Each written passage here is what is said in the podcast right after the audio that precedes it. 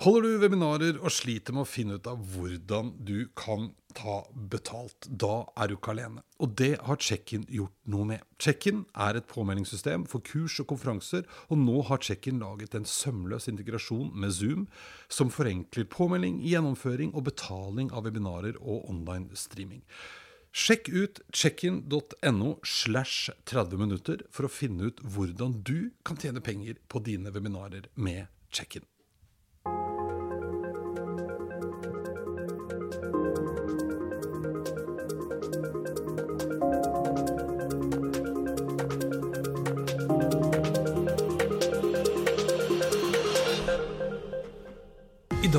Jeg besøk av Jo Røiselien. Jo, han er matematiker, forfatter, forsker og ikke minst helt fantastisk til å formidle ting som for andre kan være litt vanskelig å forstå. I dag så snakker vi bl.a. om nettopp det å formidle kunnskap på en bedre og mer forståelig måte. Vi snakker også om hvor verden går, og at vi bare må fortsette å lære oss nye ting, og ikke minst at vi må fortsette å være gode på å endre oss. Verden den snus stadig vekk på hodet, og nye regler gjelder plutselig over natta, og vi, vi må lære oss å takle det. Dette er 30 minutter inn i fremtiden, og jeg er Eirik Normann Hansen. Og så må jeg sette på klokka, men jeg kan gjøre det mens vi snakker. Du kan bare starte. Jeg Hei, Jo. Hei. Hei. Her sitter jeg, her, Her sitter du. Ja, Går det fint? Du, jeg har det kjempefint, Ja. Ja, det ser bra. ut som, du har- ser som du har det fint også. Du, jeg har det også veldig fint. Eh, Jeg prøver å, å passe på og minne meg selv på at eh, jeg ikke skal glemme at jeg har det fint i, nå for tiden. Jeg tenker generelt er det fint å Ja. sørge for at man har det fint. Ikke bare nå. Ikke bare Nei, nei, det er sant. Det er sant, det er sant. Men eh, vi har jo, det er jo en stund siden vi snubla over Vi har jo truffet hverandre litt sånn eh, i foredragsverdenen. Ja. Men jeg skal sette på den berømte klokken, så vi Ja. ser. Eh, men nå er du her. Ja. Det er jeg veldig glad for. Ja, du, det er veldig hyggelig å være her. Og det er altså så digg, det lokalet her. Du, tusen takk. Jeg syns egentlig du burde tatt oss og filma rundt, og så folk får se. Det er, Jeg har jo gjort det noen ganger, Du har det? faktisk. Ja. Eh, Det var eh, litt gøy eh, når eh, denne famøse lockdownen begynte. Mm. Så satt jeg jo her foran peisen, eh, og så var det jo plutselig hytteforbud. Oi. Ja, Og da måtte jeg ut og lage sånn forklaring og vise ut at jeg er ikke på hytta. Jeg er hjemme. Jeg er i Oslo. Dette er helt i orden. Mhm. Eh, Men eh, jeg er jo veldig stolt av denne plassen, Ja. rett og slett. Ja, og så er det, det er et eller annet med hele settingen som gjør at det er veldig lett å skulle snakke og drodle av gårde. For man føler liksom at ja, men her går det an å snakke. Ja, og vi har, jo, vi har jo nå eh, Det vet jo ikke de som eh, hører eller ser på. Eh, vi har jo nå holdt på i nesten to timer allerede. Altså, jeg er egentlig litt ferdig snakka, jeg. Så synd dere ikke var her. ja, ja. Men du, det vi skal snakke om i dag eh, Du, du er jo eh, akademiker, matematiker. eh, Men har jo liksom snubla litt. Fortell litt om din lille reise. Ja, jeg er jo sånn, egentlig sånn hardcore mattenerd opprinnelig. Syns det er deilig med tung teori og skal liksom ha en sånn akademisk karriere og forske på matte. og Det er spennende. Og så er jeg dessverre også en sånn skikkelig skravlekjerring. Ja. Så jeg Du skal ikke si ja nå. Du Skal liksom ikke backe opp det. Takk, takk i like måte, tror jeg mange ja, ja, så, så man snakker, og jeg snakket om tingene mine. Jeg endte opp med å begynne å jobbe på et sykehus og forske der. Og sånt. Jeg syns kropp er litt ekkelt, Mm. men noe skal man jo regne på. ikke sant? Mm. Så jeg begynte å snakke om det å regne på kropp, og så hører folk det. Og så ble jeg dratt inn for å være programleder på TV Mm. og laget en hel uh, rekke vitenskaps- og underholdnings-TV-serier for NRK og Discovery Channel foran og bak kamera. Mm. Så jeg har etter hvert drevet med massemedier og masse kommunikasjon av vanskelige ting i et tiår. Og så kom hele den derre pandemien ramlende inn da, over oss. Og plutselig så ble det formidling av helsevitenskap og pandemier Forskning, tunge vitenskapelige ting, ble plutselig noe som ble dytta inn i folks hjem. Og jeg oppdaget at ha, snakker vi egentlig om disse tingene i det offentlige rom på best mulig måte? Det må være bedre måter å gjøre dette her på. Så tok jeg da min tiårige TV-erfaring med meg tilbake inn på universitetet og begynte å forske på hvordan skal vi snakke om vanskelige ting, så det når ut til folk.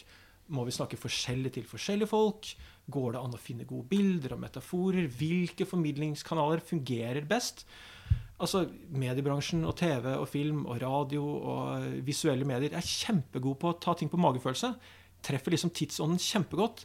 Men det er ikke alltid de vet nøyaktig hva de gjør, og hvorfor de gjør det. Nei. Som akademiker er jeg nysgjerrig på det. Fins det noen underliggende objektive svar på hva som funker best? Og det å begynne å ta hele mediebransjen og TV og alt dette her, og dissekere det, åpne panseret, se hvordan det ser ut inni, det syns jeg er dødsgøy. Ja, det, men, men hvor langt har du kommet? holdt jeg på å si? Er det, ser det ut som om det er noe annet enn magefølelse? Ja, altså Det vi oppdager, er jo at det er jo helt tydelig at det fins noen ting som proffene gjør. Sånn, de proffe kommunikatørene i TV, i reklamebransjen, kommunikasjonsfolk, de har jo lært noe når de har studert. Så de har en del ting som, de, som gjør at det funker bedre. Og så kommer vi forskerne, da. Ramlende inn og har lyst til å snakke om greia vår. Og så faller vi pladask, for vi har ikke lært dette. Vi skjønner ikke dette. Og i det møtet der mellom det å, å ha kunnskap på den ene siden og det å formidle kunnskap på den andre, så oppdager man at det er to forskjellige ting. altså. Ja, for, og det har vi jo kanskje merket veldig nå. da, altså Det å, å kunne formidle nå veldig viktige ting på en riktig og forståelig måte. Eh, hvordan syns du det har utvikla seg? For jeg husker til å begynne med altså de der første greiene de la ut i aviser og sånn Hallo? Ja. Nei, og det, det er vanskelig å formidle smittsomme sykdommer, som jo en pandemi er. Eh, og det har man liten erfaring med. Eh, grunnen til at jeg syns at smittsomme sykdommer er ekstra gøy, hvis jeg er lov å bruke det ordet, er jo at det har jo, for oss som studerer matematikk og sannsynlighetsregning Vi har kurs ikke sant, i smittsomme sykdommer. Det er kjempevanskelig å regne på. Kjempegøy, og du ser hvordan ting fungerer hit og dit. Men det har stort sett vært teoretiske øvelser. Og plutselig nå, pang, så ble teori til praksis. Eh, Men det er en grunn til at disse kursene i smittsomme sykdommer ikke undervises eh, på ungdomsskolen. Ja. Det er, det er ganske vanskelige tekniske greier. Og en av de grunnene til at det er vanskelig, handler om den spesielle effekten som smittsomme sykdommer har. Nemlig potensial for eksponentiell vekst. Det kan liksom dra av. Og det der sitter litt tungt inne for folk å forstå. Vi har ikke lært noe særlig om det. Eksponentiell vekst, hva fader var det for noe, liksom? Husker du Ja. Nei, jeg snakker jo ofte om det når jeg snakker om, om teknologi og den, liksom, den teknologiske utviklingen.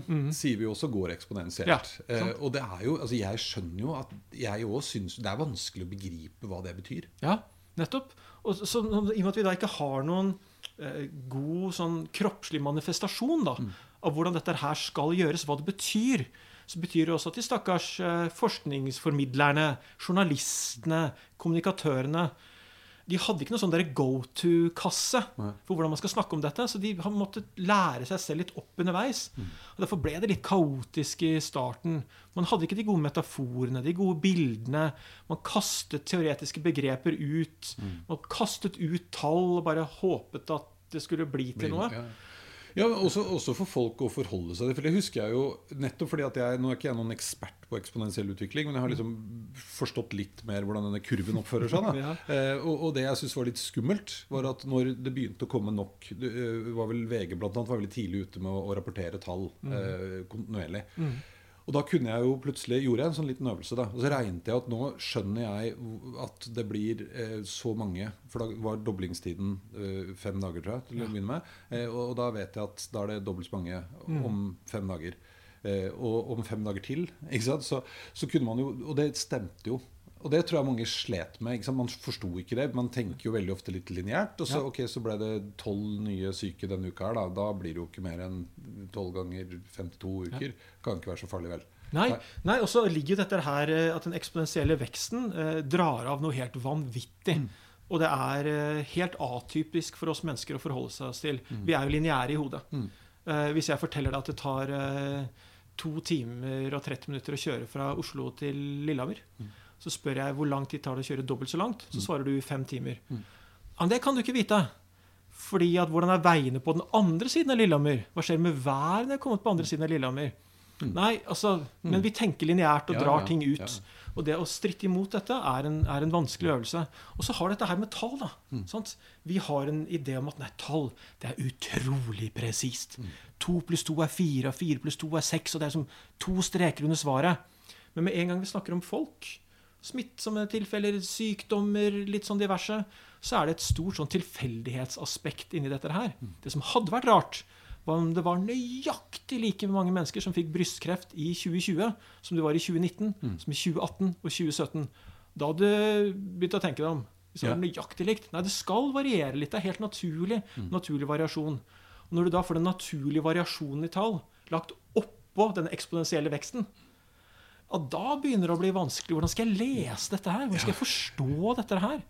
Og og det der har vi ingen trening på fra skolen. Så vi vet ikke hvordan vi skal lese den informasjonen om tall og smittsomme sykdommer som bankes inn på oss. Ja. Nei, for jeg synes det er gøy når du, du snakker jo veldig mye om at én ting er kunnskap, en annen ting er hvordan vi formidler kunnskapen. En ting er liksom tall, men en annen ting er hva det faktisk betyr, og hva vi skal vektlegge. Og liksom jeg sa til deg, Du snakket om en kompis av meg som er, ja, han er et par eldre enn meg. Ja, da er du like gammel. Ikke sant? Om du er 50 eller 250, spiller ingen rolle. Nei, altså for, for meg som statistiker er jo det det samme tallet. Ja, ja. For dere, det tilhører den gruppen der oppe i alder og tall omtrent.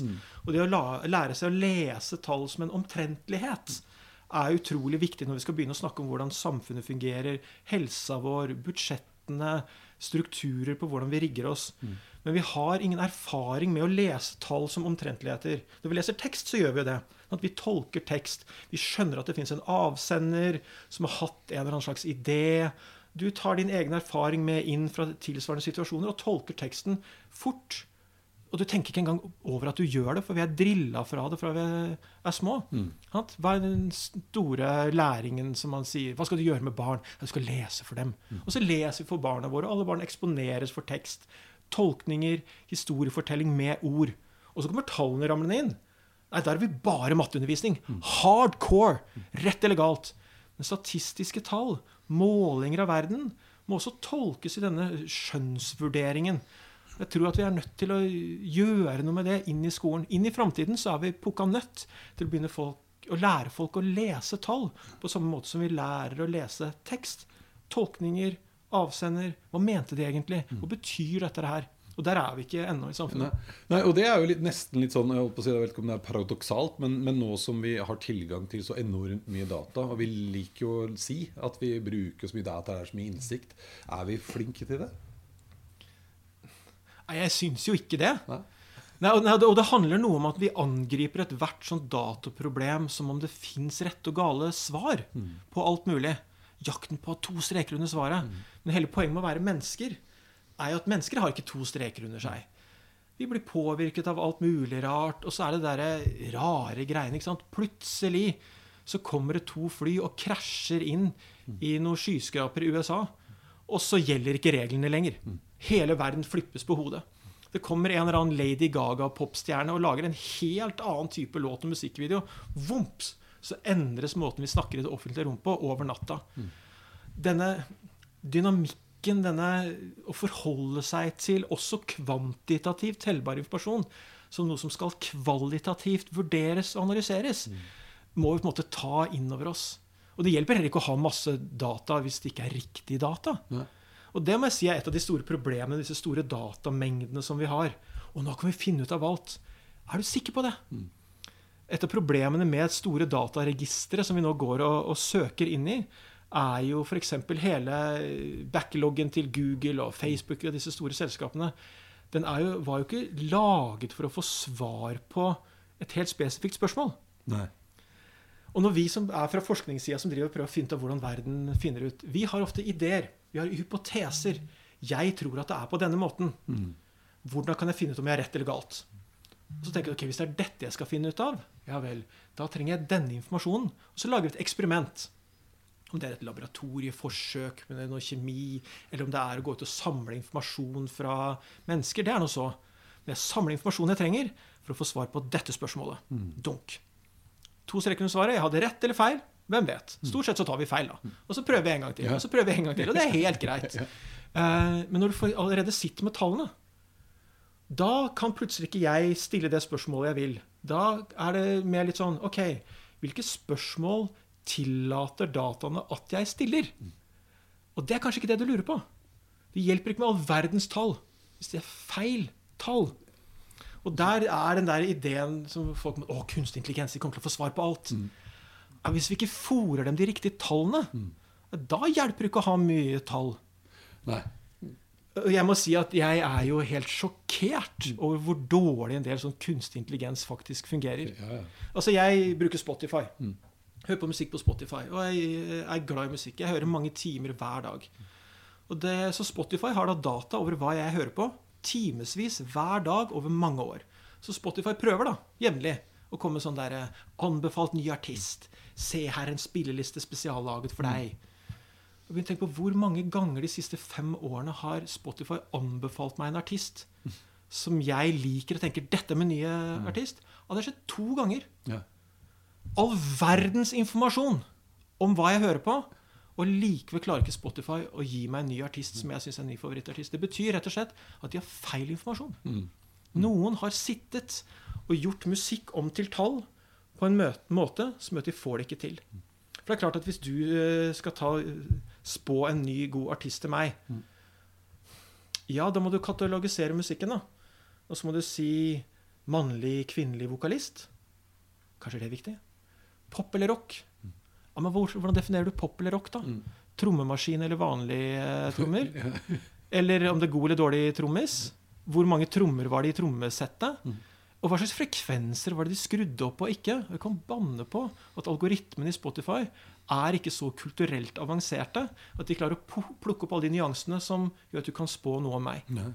Det er vel antagelig det som skjer, vil jeg tro. Ja. Altså, det er veldig sånne rigide kategorier. Og jeg hører mye på pop. Da, og her kom det en ny popartist. Ja. Sikkert bra for Helt feil, men jeg, jeg er på jakt etter helt andre ting. Men tror vi, tror vi eh, For det er litt min opplevelse også, og da er vi litt tilbake til den kunnskapen. Altså folk, Ja. det, og jeg skjønner jo det at det er vanskelig å forstå. Også liksom hva er kunstig intelligens. Eh, det er kjempevanskelig å forstå. Men eh, vi tillegger det, tror jeg også ofte veldig Vi har veldig høye forventninger. For det høres så fett ut. Mm. Det er kult ord, da. Ja, er veldig kult Ja, ord. Ja. Mm. Og så tenker vi at åh, det må være smart, det. Eh, mens det er liksom bare at det ikke er naturlig intelligens. Den bør ikke være så veldig smart Nei. av den grunn. Men er vi fælt til det, tror du? Altså på, på mange områder? Altså vi antar ting eh, fordi at det høres så kult ut. Altså Vi ser noen tall, det ser jo stort ut. Det er sikkert fett. Nei, men altså, jeg er jo da utdannet matematiker opprinnelig. Og etter hvert spesialisert meg i statistikk og sannsynlighetsregning. Så jeg vet hva kunstig intelligens er. Det er statistikk. Det er det det gjør. Det er tall, og så sitter du da med matematiske ligninger og tråler gjennom tallene for å finne systemer. Så jeg syns ikke kunstig intelligens er så mystisk. Nei. Eh, Det er litt avansert statistikk tidvis, men det er nå fortsatt bare tall. Sant? Eh, Og det må vi også skjønne her. Eh, Det er, det er ikke noe mystisk, magisk, levende vesen. Det er noen som har satt seg ned og laget matematiske ligninger for hvordan datamaskinen skal lete gjennom tall. Og den der avmystifiseringen er jo jeg litt sånn opptatt av. For det er klart at det er det du ikke skjønner, blir ofte litt sånn mytisk og magisk. Og det er klart at der har jo vi som lever av å lage ny kunnskap, en oppgave som er mye viktigere nå enn før. Vi må få denne kunnskapen ut til folk. Sånn at etter hvert som vi genererer mer og mer og mer og mer ny kunnskap, så betyr det også at det du lærte da du gikk på skolen, er mindre og mindre tilstrekkelig for å dra deg gjennom livet. Ja. Sant? Før kunne du gå på skolen, og så lærte du noe, og så var det nok kunnskap til å få deg gjennom livet. Sånn er det bare Er ikke ikke lenger. Sant? Hvordan, hvordan tror du det blir fremover? Altså, du, tror du vi, vi blir liksom universitetet borte? Altså, blir rollen til utdanningsinstitusjonen en annen enn den den er i dag? Altså, vi ser jo at universitetene der hvor jeg jobber, som da driver med, øh, med høyere utdanning ikke? Eh, ikke den grunnutdanningen som alle må ha, men liksom dra folk litt videre. Har jo begynt mer og mer med etterutdanning av folk. Eh, forskningsfronten beveger seg fort framover. Og den er også nå ikke bare av akademisk interesse for oss forskere. Den har praktisk betydning. Den kan lage bedre produkter for næringslivet. Den er viktig for hvordan eh, de som jobber i etatene, styrer landet vårt. Så vi må få den ut fortere. Og den etterutdanningen der er jo viktig. Og det betyr at vi må bli flinke til å ta ny kunnskap og tilgjengeliggjøre den for folk. For det er klart at eh, det deilige med å jobbe på universitetet med bachelor- og masterstudenter, er at du har fått dem fysisk inn på universitetet, og så må de sitte der og høre på deg! Og de kommer ingen vei! Nei, nei, nei. Og stort sett så er de unge, og de er gira, så det, det går fint. Og så begynner de å bli litt lei etter hvert, og så går de ut og får seg en jobb, og det er selvfølgelig mye fetere enn å sitte på en forelesning. Så da er de borte. Men de må også etterutdannes. Og da kan vi ikke bare ta oss og filme en tavleundervisning. For de skal se på det i lunsjen. Kanskje de får lov til litt etterutdanning på kvelden. Kanskje får lov til å ta en måned fri. Og sånn. Og da må vi uppe undervisninga vår på en helt annen måte. Og da begynner den jo å ligne mye mer på det som man gjør med kunnskapsformidling, forskningsformidling, vitenskapsformidling i det offentlige rom. Det er TV, det er underholdning, det er catchy podcaster, det er badeender i slow motion og Netflix og full pakke. Vi må ta i bruk alt det vi kan om effektiv kommunikasjon inn i reell undervisning og etterutdanning. Og Der tror jeg det er sykt, sykt mye å hente. Ja. Men tror du vi har lært noe? For det, det har jo vært litt interessant nå gjennom det året hvor vi liksom ble tvunget inn i en sånn der TV-produsentrolle, Ja. hele bøtteballetten. Mm. Eh, man begynner jo å se liksom noen som tar det litt mer på alvor. da Ja. Som prøver å gjøre litt andre ting. Jeg så en eh, en, eh, jeg tror hun er professor til og med på, på, på, på, jeg husker ikke om Oslo Met eller Kristiania. Men hun hadde nå gjort om undervisningen til en slags sånn talkshow-setting. Ja. Så istedenfor bare å stå hjemme og undervise på Zoom, så hadde hun nå For hun, du kan ha én gjest, ikke sant? sånn som du og jeg sitter nå. Da, Ja, ja. Så hadde hun en eller annen ekspert en eller annen som hun hadde talkshow med for å formidle til studentene eh, ny kunnskap. Og det handler jo litt om nettopp det der å engasjere litt mer, da. Ja, så Noe av det kanskje aller viktigste rådet for å Lære bort er jo at uh, samme hva du gjør, uh, gjør noe annet. Mm. Hele poenget er å skape variasjon for, for tilhøreren. Sant? Og det vi glemmer litt uh, Vi har vært bortskjemt på universitetet lenge. da, ikke sant? Folk som kommer dit, er engasjert. De er gira. De har valgt å komme dit. sånn at de er på en måte kunnskapstørste på en helt spesiell måte. Du kan stå og bare fortelle ting på tavla, for det, det holder. Men idet vi skal fortsette, fortsette og fortsette, så skjønner man jo at det derre jaget etter innovasjon, nytenkning, få se noe nytt som hjernen er så avhengig av Hjernen er helt avhengig av noe nytt for i det hele tatt slås på. Altså Hjernen er jo utrolig smart rigga. Den er jo sånn at uh, Hvis den ser eller hører noe den har sett eller hørt før, så aktiveres den jo ikke. Da går informasjonen bare rett forbi hjernen, og så er det et hukommelsessenter bak hjernen hvor ting bare looper tilbake på seg selv. Det er derfor du liksom av og til når hverdagen er litt sånn kjedelig, så går du på autopilot. ikke sant? ja, ja. Og det det er fint, for det betyr bare at dette trenger du ikke forholde deg til. Så kan hjernen sulle med noe annet. Det er derfor det er litt fint å være vanedyr. ikke sant? Du gjør det samme hver morgen, så slipper du å tenke på hva du gjør. Men det er ganske dumt at hjernen ikke slår seg på når du skal lære noe. da bør den helst være skikkelig aktivert. Og måten du aktiverer hjernen best mulig på, er jo at du innfører noe nytt og uventet. Altså Det er når du kjører bil, ikke sant? og det skjer ingenting, og du suller av gårde, og plutselig kommer det inn en rød bil fra høyre som ikke pleier å være der. Og du kjenner jo hvordan hjernen bare rykker til, Ja, ja. og så får du bremsa i tide. Så vi må bli flinkere til å sende inn den røde bilen, et annerledes eksempel, noe du ikke har sett eller hørt før, for å slå hjernen på om og om og om igjen. Den effekten der kan jo kommunikasjonsbransjen, reklamebransjen, popstjerner, artister, underholdningsindustrien kan jo alt om dette her, Å levere annerledeshet. Der må vi også fra akademia sin side, fra vitenskapssida, ta dette inn over oss. At dette må vi bare gjøre. Mm. Ja, så, så tenker jeg også på Én ting er jo som du sa, altså studenter som har valgt å, å, å komme på skolen, Ja. eh, som er interessert. Mm. Eh, og så har man jo også en del folk som driver og jobber, som også blir interessert i noe og har lyst til å lære. Mm. Men jeg tenker at nå står vi litt overfor en sånn fremtid hvor vi er også nødt til å lære opp alle de som egentlig kanskje ikke er så keen på å lære Ja. noe nytt. Tenker de. Eh, og der har vi jo også arbeidsgiverne da, en, en voldsom utfordring. Ja, liksom, fordi at din, den, etter hvert som den nye eksponentielle teknologien, som du sier, etter hvert som nyvinningen og innovasjonen bare drar av, så betyr det at etterutdanning blir sjukt, sjukt viktig. Ja.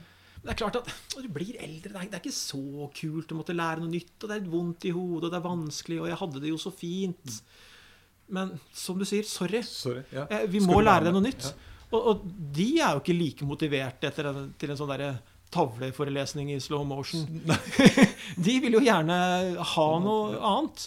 Og, der må man jo bli flinkere. Men jeg syns også For ti år siden, da jeg begynte med vitenskapsformidling i det offentlige rom, så var, var det nytt på en helt annen måte. Mm. Eh, Det var liksom ikke noe man tenkte på. og Folk syntes jeg eh, var litt rar. Hvorfor gadd jeg bruke så mye tid på det? Men på ti år har jo dette her skifta. Mm. Vi har blitt mye flinkere til å finne nye måter å formidle kunnskap, viten, forskning ut i det offentlige rom på.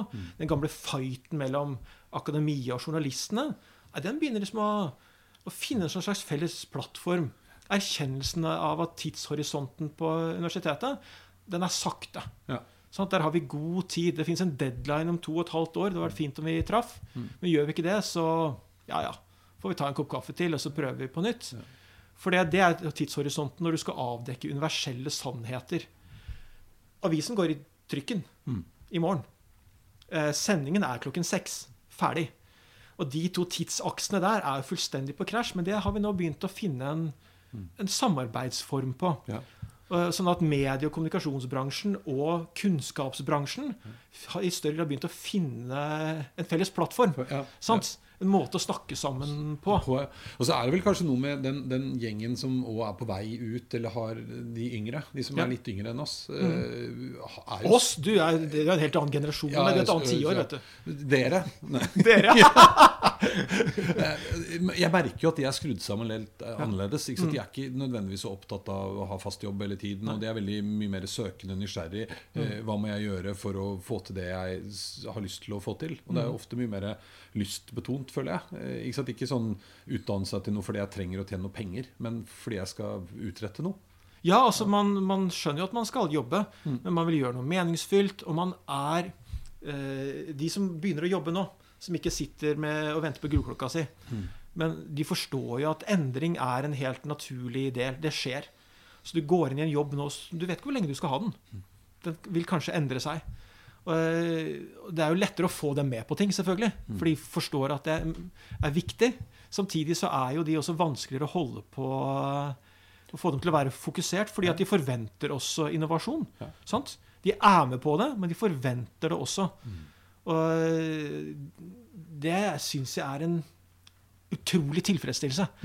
Å se at den der lille knivingen som vi sitter i nå, den overgangen fra et samfunn hvor vi sitter litt stille, vi utdanner oss til yrker med spesifikke titler, til å si nei, vi har greier. Vi kan forskjellige ting. Hva er kompetanse egentlig? Nei, det er mye som er kompetanse. F.eks. det å vite når du skal poste noe på sosiale medier, er plutselig viktig kompetanse. Det å skjønne at eh, noen ganger, hvis du skal nå ut med noe, så er det viktig å ha en eh, stor, dyr TV-skala, produksjon, greier med flashy farver og flotte fotografer. Da er det som trengs for å nå ut. Mens andre ganger så holder det å filme deg selv med telefonen. Og vite hva du trenger nå, når, er også kompetanse i 2021. Og dette her eh, sammensatte, fasetterte kunnskapsgreia gjør at vi trenger også at mange flere kan mange forskjellige ting. Ting, ja. Sant? Det er vel her, tenker jeg ofte altså det, det ordentlige, ordentlige mangfoldet eh, kommer inn. Ikke sant? Det handler ikke bare om eh, kvinne og mann og trosretning og eh, hvor du er fra og hvem du liker, men det handler faktisk om å virkelig kunne forskjellige ting fra forskjellig ståsted. Ja, altså Reelt samarbeid på tvers av kompetanser. Altså Mange sier jo til meg når vi snakker om forskning og utvikling, og jeg snakker om at jeg jobber på universitetet, og alle snakker om disse professorene som sitter med de lukkede dørene sine på kontoret. Altså Nå har jeg jobbet på universitetet i et par tiår, og det er jo ingen som sitter med lukket dør. Det driver jo ikke med. Altså De problemene du kunne løse alene med lukket dør, de har vi jo løst. De problemene som står igjen nå, det fordrer at folk åpner døra si, snakker sammen. Du setter sammen samarbeidsteam av folk som har forskjellige kompetanser. Så dette her med å kunne snakke med andre og bli forstått på tvers av kunnskaper og vitenskaper og interesser, er plutselig blitt fryktelig mye viktigere. Ja, ja. Og det betyr også den derre Formidling av kunnskap og viten handler ikke om den der gammeldagse Nei, nå skal vi oppe på universitetet og fortelle folk hvordan ting henger sammen. Det er jo ikke sånn. Det handler noe om at matematikere må snakke med leger. Det handler om at kommunikatører er nødt til å snakke med noen tegnere, som kan snakke med noen ingeniører for å forklare hva skal den dingsen gjøre. Den mobiltelefonen vi går rundt med i lomma, er jo et fantastisk samspill av design og informatikk og interaksjonsdesign og utseende og materialtekstur og bare komprimert ned i en liten dings. Så det å snakke om vanskelige ting på en forståelig måte er noe vi bare må lære oss, rett og slett. Så nå, nå, Tida flyr jo om, hvis vi skal prøve å gjøre en slags oppsummering. Da, som du det sier. er faktisk din jobb, tenker jeg. Ja, ja, og det er min jobb. Ja. Så det han har snakket om nå Det han har prøvd å si. Det han har prøvd å si. Nei, jo, men jeg, synes, for det her, jeg tror det blir viktigere og viktigere eh, på alle områder. Eh, og vi har jo sett det nå, eh, på en måte det fine, da. Som du sa, det er jo mange ting som også har vært litt fint med det vi har vært igjennom. Mm. er jo at folk har jo lært seg en hel masse greier. Mm. Som jo òg gjør at vi kan nå mye lettere trekke inn annen type kompetanse fra andre plasser. Ja. Eh, uten at man behøver å reise, fly og ordne og fikse. Det kan vi bare ordne nå. Du og jeg Mm. kan sitte her og prøve å løse et eller annet problem. Vet ikke. Men jeg kjenner en fyr i LA som Mm. kanskje kan noe om det. La oss få den på skjermen. Sant? Som nesten var, Det er ikke mer enn et års tid siden hvor det opplevdes som ganske vanskelig. Eh, men når vi òg skal snakke med andre folk som ikke nødvendigvis er fra vårt eh, eh, hva heter det for noe, fagfelt Ja, kompetanse og interesse, for den saks så skyld. Hvordan man uh, kommuniserer uh, kunnskap Mm. eh, og kompetanse og, og ditt fagområde mm. på en måte som andre forstår. Det er kanskje mer blitt vårt ansvar enn den du snakker til sitt ansvar å rekke opp hånda og spørre. Ja, altså, de, de, altså, de vet jo ikke engang hva de skal spørre om. nei. Og det Nei, må være den som sitter på ekspertkompetansen sitt ansvar å finne ut av hvordan det skal gjøres. Mm. Gjøres, Altså, Hvem ja. andre skal gjøre det? Ja. Ja. Og tall er ikke bare tall. Tall kan være mange ting. Eh, Ja. ja. Og så var vi så vidt innom det også, men, men også det der, altså, det fins masse fakta, men fakta er heller ikke det, det, det er ikke automatisk kunnskap. Det må på en måte omsettes. Og da er det jo litt av denne kommunikasjonen, da, kanskje. Ja, altså, og formidlingen av Ja, ikke sant? Fakta og forståelse er to forskjellige ting. Mm. Fakta er en punktopplysning. Krigen sluttet i 1945. Men den faktainformasjonen der gir deg jo ikke noe innsikt som sådan. Mm. Og forståelse krever tid. ja. Sant? Og det å få folk til å høre på deg en stund, så du får gitt dem innsikt, krever også noe med at måten vi snakker om kunnskap på, på, ja. vi må være interessant over litt lengre tidsspenn. Mm. Og det, da må vi legge oss litt i selen altså, for Ja, å få til det. Få til det. Mm. Veldig kult. Eh, nå har jeg lyst til å bare eh, sånn eh, litt eh, på sparket på slutten. Hvis vi hever blikket litt, hvordan tror eh, Jo verden ser ut i eh, 2030? Åh, jeg tror den kommer til å bli så kul. Nei, jeg gleder meg så utrolig, for at vi sitter nå i en brytningstid hvor vi har gått fra å være litt sånn silotenkende, hvor vi sitter hver for oss på hver vår lille tue, til nå å innse at det er globalt. Vi må snakke sammen, vi må smøre det ut. Og så sitter vi og sliter litt med det nå, men om ti års tid så tror jeg ting flyter mye, mye mer sømløst. Jeg tror informasjon, kunnskap, viten har fått mye bedre grobunn. Det blir bra. Mm. For da har vel du gitt ut et par-tre bøker òg, så vi har lært masse ting underveis. Og de kommer til å være så gode. Det, det gleder jeg meg til. Det blir veldig kult. Tusen hjertelig takk for besøket. Veldig hyggelig å være her.